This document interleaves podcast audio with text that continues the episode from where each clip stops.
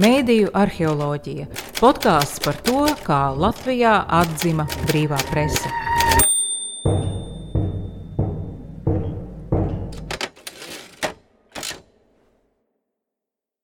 Sveicināti šodien Satorijas studijā ir Zarmīte Ēlerte. Labrīt! Kas ir pazīstama Latvijas žurnālistikā galvenokārt ar to, ka bija laikraksta diena redaktore, bet to, ko varbūt daudz ir aizmirsuši un daudziem maz nezina, ka Sarmīte nebija galvenā redaktore no pirmās dienas. Taisnība. Varbūt sāksim ar to. Dienas dibināšana, domu biedru sanākšana, veidot avīzi, kas bija šie domu biedri un kā notika redaktora izvēle. Dombiedri bija Sarmīta un Pauls Rauceps. Redaktora izvēle notika tā, ka es ieteicu likt par redaktoru Viktoru Daugmali. Šī pozīcija man tika piedāvāta no paša sākuma, bet es teicu, pasarg Dievs. Kāpēc tā? Nezinu, man liekas, bija skaidrs tas, ko mēs gribam panākt, un ka tas ir kaut kas tik vērtīgs, nu, kad, nu kā tad es to varu? Apmēram tā. Bet eh, tā mūsu ambīcija bija patiesībā trīs - izveidot laikrakstu, kurš ir brīvs, kurš ir ietekmīgs un kurš ir moderns. Es nāku no padomu laika avīzes, no literatūras un mākslas, kas varbūt arī bija pati tāda intelektuālākā un brīvdomīgākā īpaši 80. gados. Un es atceros to, cik daudz laika man aizņēma, mums aizņēma, priecāties par katru brīvāku teikumu, kur izdevās nopublicēt, vai bēdāties par katru vārdu, kurš tomēr neizgāja cauri cenzūrai. Tāpēc šī apziņa, ka mēs varam veidot un ka Latvijas cilvēkiem ļoti svarīga brīva Un, kā jau teicu, moderna avīze, nu, tas bija pamatu pamatos. Jo tie cilvēki, kas noraksta 90. gadus vienā tādā lielā melnā putrā, manuprāt, neatcerās to, cik milzīgs tajā laikā bija arī tas sabiedrības radīšanas gars, radīt jaunas, vērtīgas lietas, un tādas arī radās. Tur nebija tikai tumšs un un nelikumīgas lietas. Un šī sajūta, ka mēs varam un mēs esam atbildīgi, atbildīgi par to, ka var tapt viena tāda, kā es teicu, moderna, brīva, ietekmīga avīze. Bet šī avīze bija patiešām pirmā, kas tika dibināta uz pilnīgi brīviem pamatiem, pēc citiem principiem, jo, protams, pirms tam bija gan atmoda, kas tomēr bija piesaistīta konkrētai uh, kustībai, un tomēr arī uh, bija cenzūrai pakļauta. Bija arī jau eksistējušies un transformējušies padomju izdevumi, kuros bija brīva žurnālistika, bet vienalga viņiem bija ierobežojumi. Tātad uh, vienkārši vajadzētu piefiksēt mums, laikam, ka diena bija pirmā, kas tika veidot jau kā avīzi, kaut arī ne no pirmās dienas bija privāta.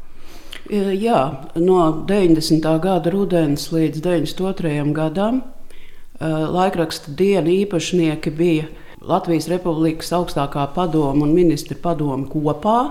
Bet arī tur tāds paradoks bija, ka lēmumā par dienas dibināšanu bija jau ierakstīts, ka diena tiks privatizēta.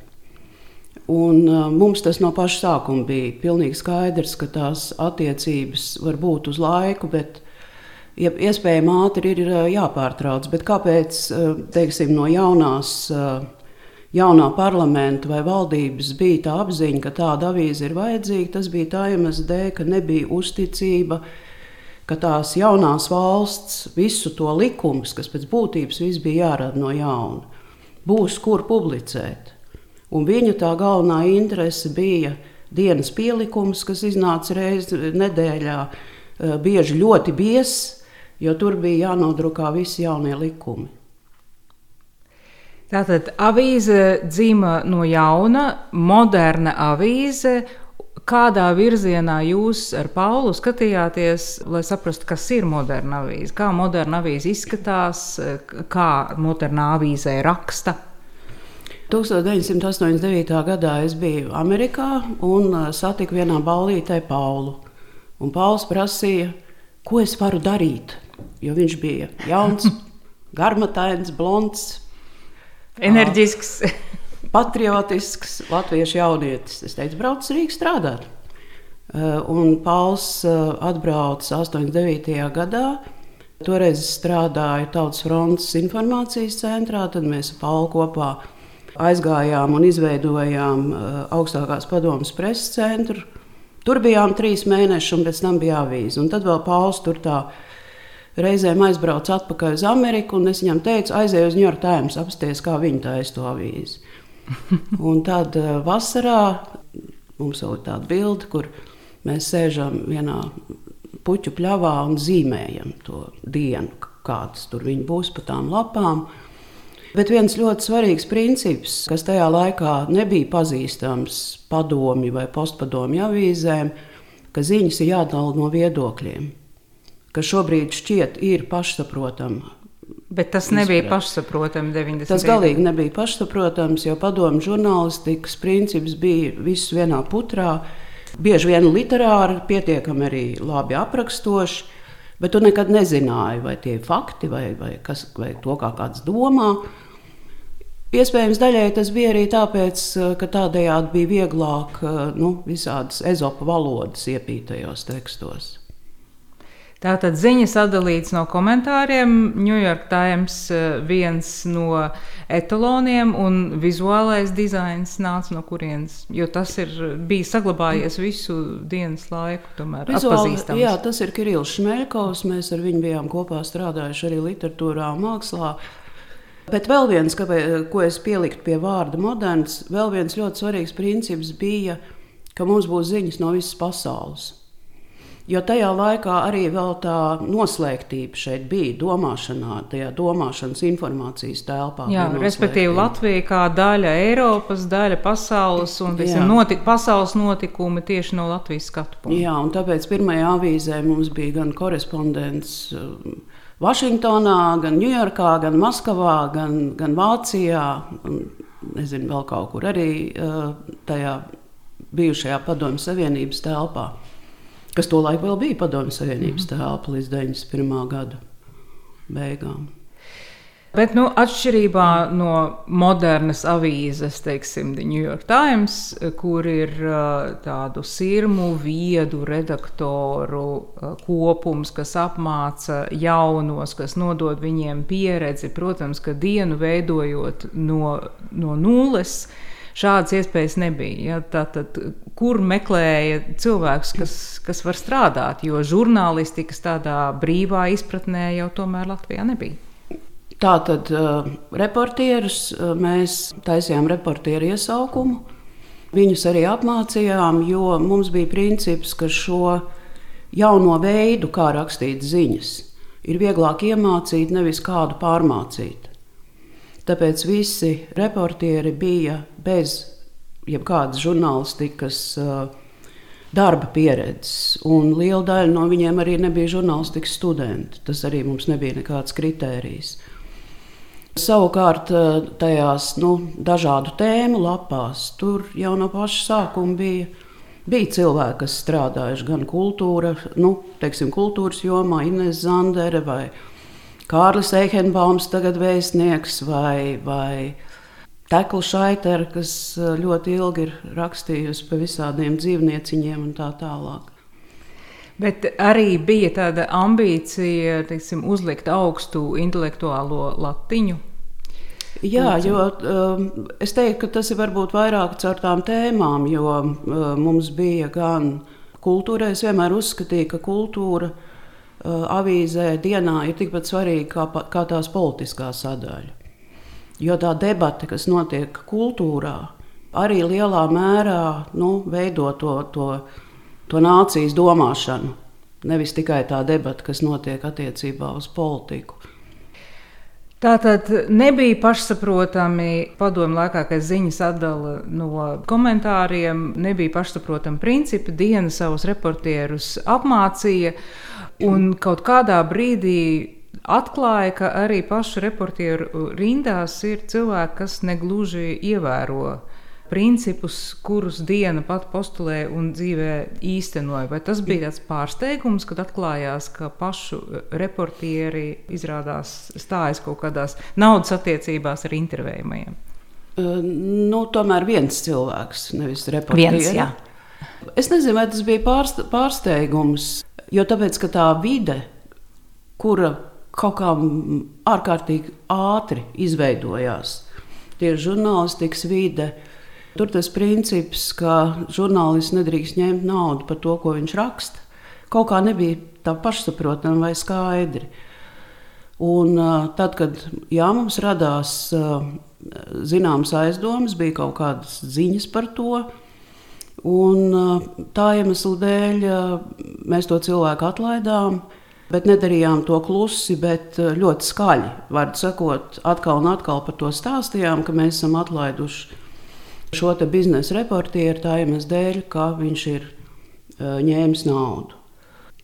Diezgan ātri, nepateikšu, kurā gadā, mēs arī sapratām, ka mums ir jāizveido dienas ētikas kodeks Un šīs ētikas kodeks arī kļuva par daļu no līguma. Var sakot, parakstot līgumu, cilvēks parakstīja arī ētikas kodeksu, kas noteica nu, ne jau tikai šo pašsaprotamo lietu, ja, bet arī nu, tādu nu, žurnālistu, arī profesionālo un ētisko principu, kuri pēc būtības nav atdalāmi.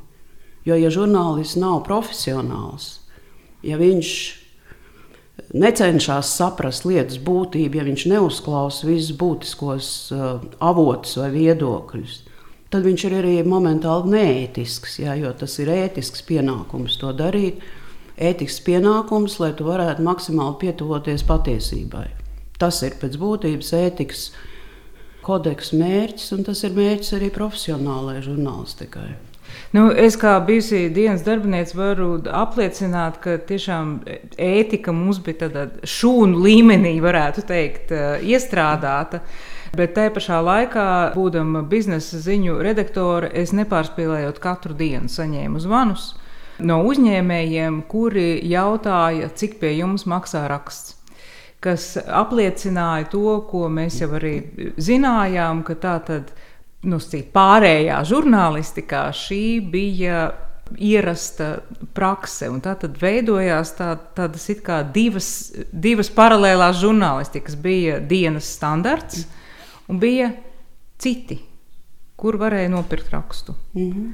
Jā, un uh, katrā ziņā 90. gadu, nu, vismaz pirmajā, bet es vispār es domāju, 90. gados daudzi žurnālisti neuzskatīja, ka tā būtu pat slēpjama lieta. Un, man liekas, tas eh, nu, ir kaut kāda tāda ētiskās apziņas izaugsmas pakāpes. Tu dari pārkāpumu, bet vispār nesaproti, ka tas ir pārkāpums. Līdz tam brīdim, kad tu dari pārkāpumu, bet saproti, ka tas nav labi un vismaz to slēp. Nu, tad 90. gadu.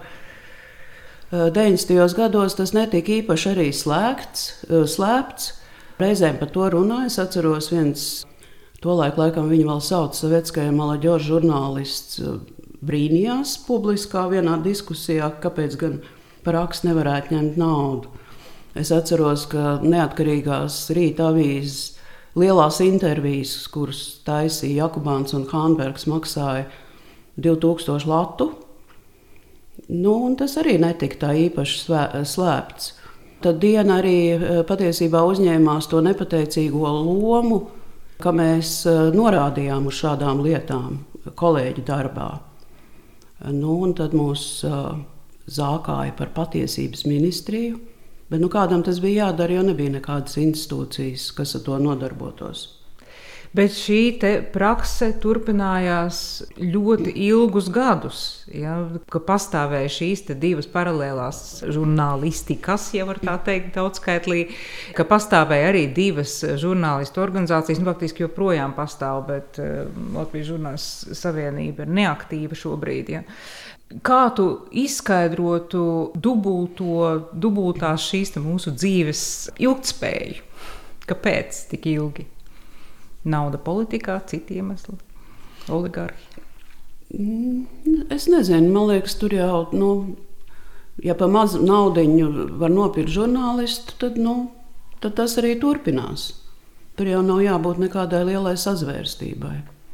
Ja žurnālists pārdodas par mazu naudu, tad viņš to dara. Un, ja, tā, ja, ja attiecīgajā redakcijā tā iekšējā nostāja nav pret to, tad tas arī turpināsies.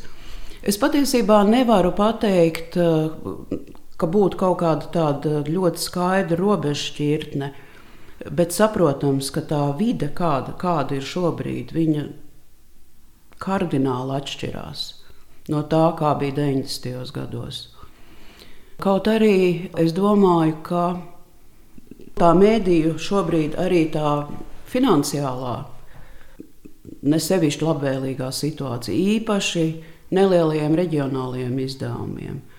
Es domāju, ka tas var radīt arī tādus ļoti slidenus pamudinājumus atpakaļ uz to situāciju. Jo es esmu dzirdējis par šādiem Piemēram, piedāvājot žurnālistam nu, reģionālajā mēdījā, ka vai jūs interesētu stāsts par kaut kādu tiešām interesantu notikumu, tā atbilde ir jā, mūs interesē, bet vai jūs nevarētu naudu arī tam savākt? Nu, tad ir nākamais jautājums, protams, ja viņi to identificē kā apmaksātu sižetu, ja, kas jau ir tas galvenais noteikums, ka tas ir apmaksāts sižets nu, norādīt to, ja tas, eh, tas nav žurnālistika. Bet es pat šaubos, vai tā tas notiek. Bet es domāju, ka viena varbūt tāda kustība, kas pamainīja to mēdīju ētisko vidi, bija tas, ko sāka savulaik eh, Soros fonds priekšvēlēšana reklāmu uzskaiti. Jo liela daļa no priekšvēlēšana reklāmām gāja kā žurnālistu raksti. Īpaši visādos Glancētajos žurnālos. Visādos jā, glancētajos žurnālos cep un vārīja ķemēja suņus un darīja visādas lietas, pastiprinātu mhm. politiķu mm. pirms vēlēšanām. Un tika izveidots šis monitorings, kuru pēc būtības vēlāk ir pārņēmis knāps. Un tas ir viens veids, gan kā ierobežot šo praksi, gan kā pievērst tai būtisku uzmanību. Un iespējams tas varbūt salauza to, to ledu, kas bija, es domāju, kaut kad 2000. gadu. Nu, mijā varētu būt desmitgažu mijā. Bet atgriežoties atpakaļ pie dienas un ikdienas darba redakcijā, cik viegli vai grūti bija noturēt eh, to mūri starp reklāmdevējiem un, un žurnālistiku. Jo, nu, tas arī bija princips, ko ieviesa diena un ļoti stingri pie tā pieturējās, ko satura ražotāji ikdienā neizjūta. Nu, varbūt ziņās, biznesa ziņās mazliet vairāk, bet kopumā varēja ražot saturu un nedomāt par reklāmām. Atnāca ar uzzīmētiem tiksim, reklāmas plāniem, reklāmas plānotājiem. Tu zini, cik tev ir vietas un tu rakstīji. Bet uh, tas, ko žurnālisti neredzēja, kāda bija tā puse. Pirmkārt, man liekas, tas ir arī viens ļoti svarīgs tāds uh, struktūras princips, jo var teikt, ka dienā bija divvaldība. Es nebiju padota biznesa daļai. Redaktors bija līdzvērtīgs, un patiesībā reklāmas izvietojums tika saskaņots ar mani. Nevarēja atnākt reklāmu, nopirkt, piemēram, pirmo lapu, jo mēs vienkārši to nepārdevām, jo tas ir svarīgi redakcijai. Un es domāju, ka tas līdzsvars bija pirmkārt ļoti svarīgs. Vai bija uh, šādi spiedieni? Protams, ka bija, bet tieši šī robežu novilkšana, es domāju, ļoti daudz problēmas atrisināja. Tad viņiem reklāmas nodaļā pateica, ka piedošana, nu, neko nevaram darīt. Ja? Bet bija arī bija tādi gadumi, gadījumi, es atceros, uh, savulaik, kad bija tika aizturēts Lavens, Bankas Baltijas īpašnieks un izputinātājs vienlaikus.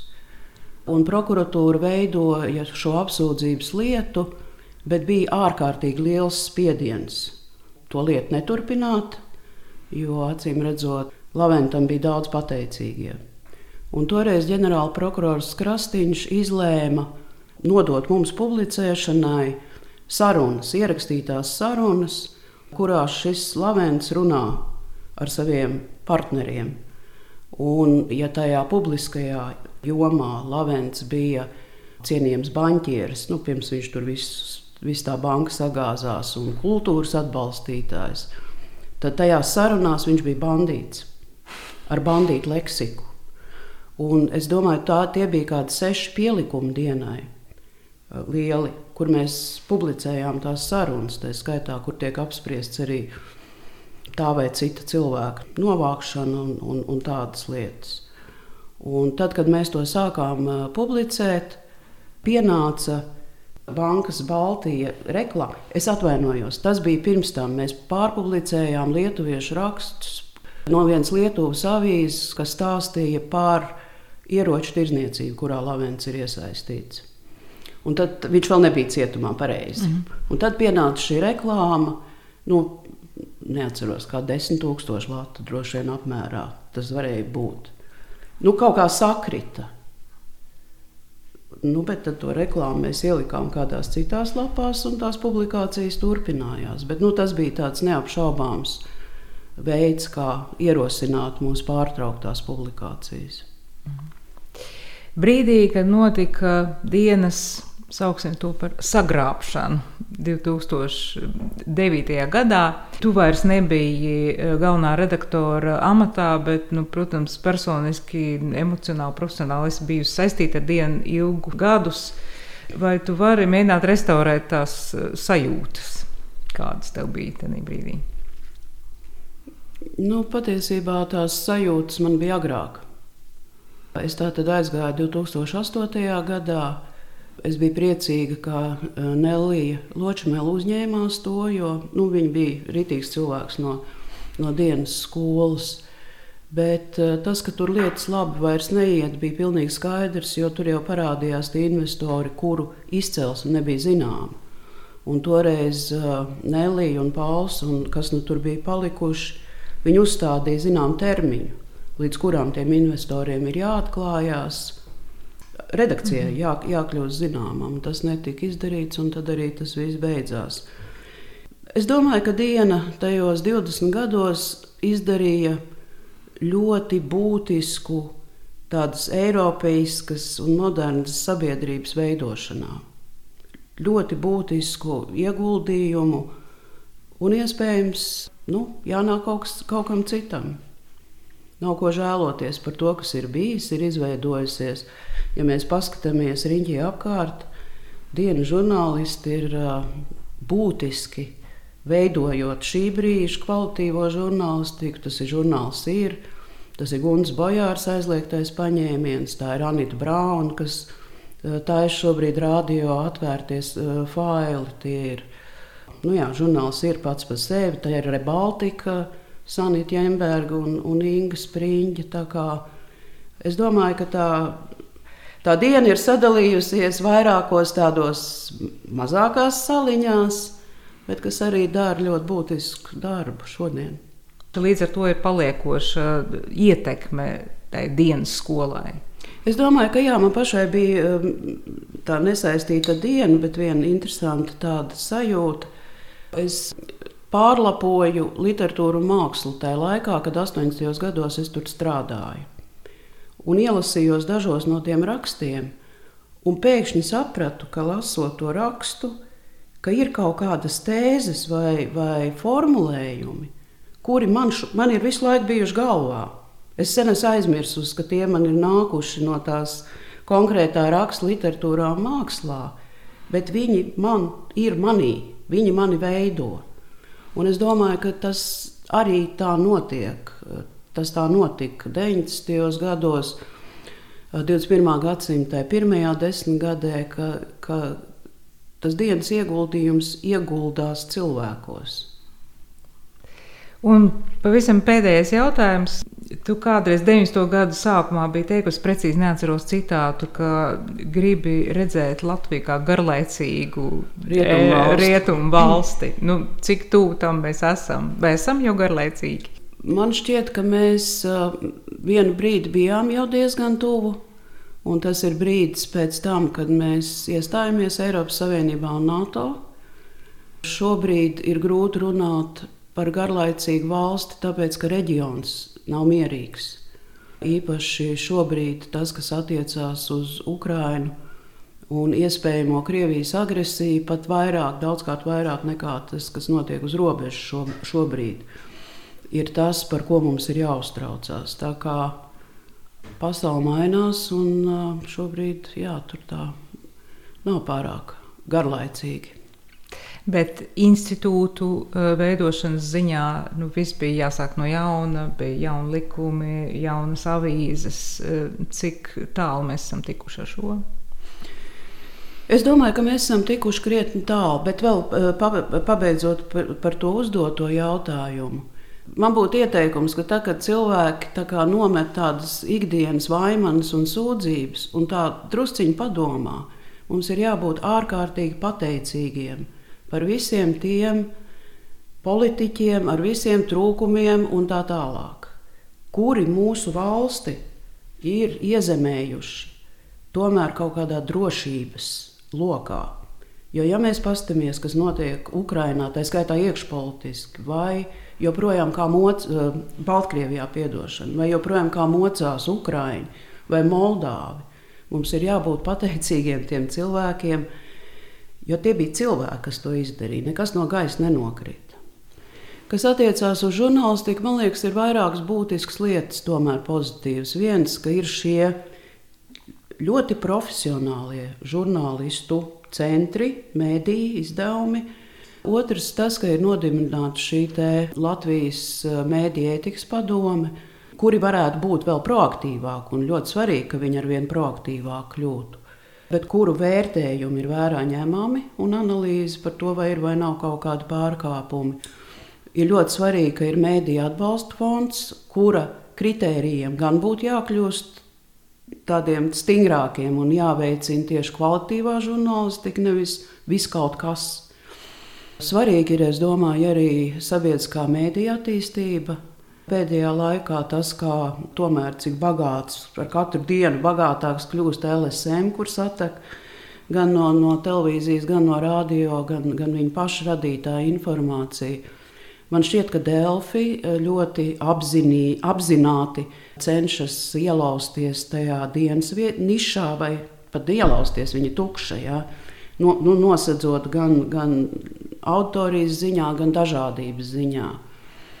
Ļoti svarīgi ir tas, ka kultūras ministrija atrada papildus finansējumu kultūras mēdījiem. Tā skaitā satorī šajā gadā, un jācer, ka tas finansējums vēl turpinās augt, jo, kā jau teicu, sākumā šī kultūras diskusiju vide ir nemazāk, bet tikpat svarīga kā jebkura cita vide. Paldies par sarunu, un nu, turpināsim dienas mantojumu izjust un vairot. Paldies! Jā, paldies! Podkāstu tapšanu finansē Mēdīju atbalsta fonds. Klausieties arī pārējos šīs sērijas podkāstus un lasiet rakstus Satorijā.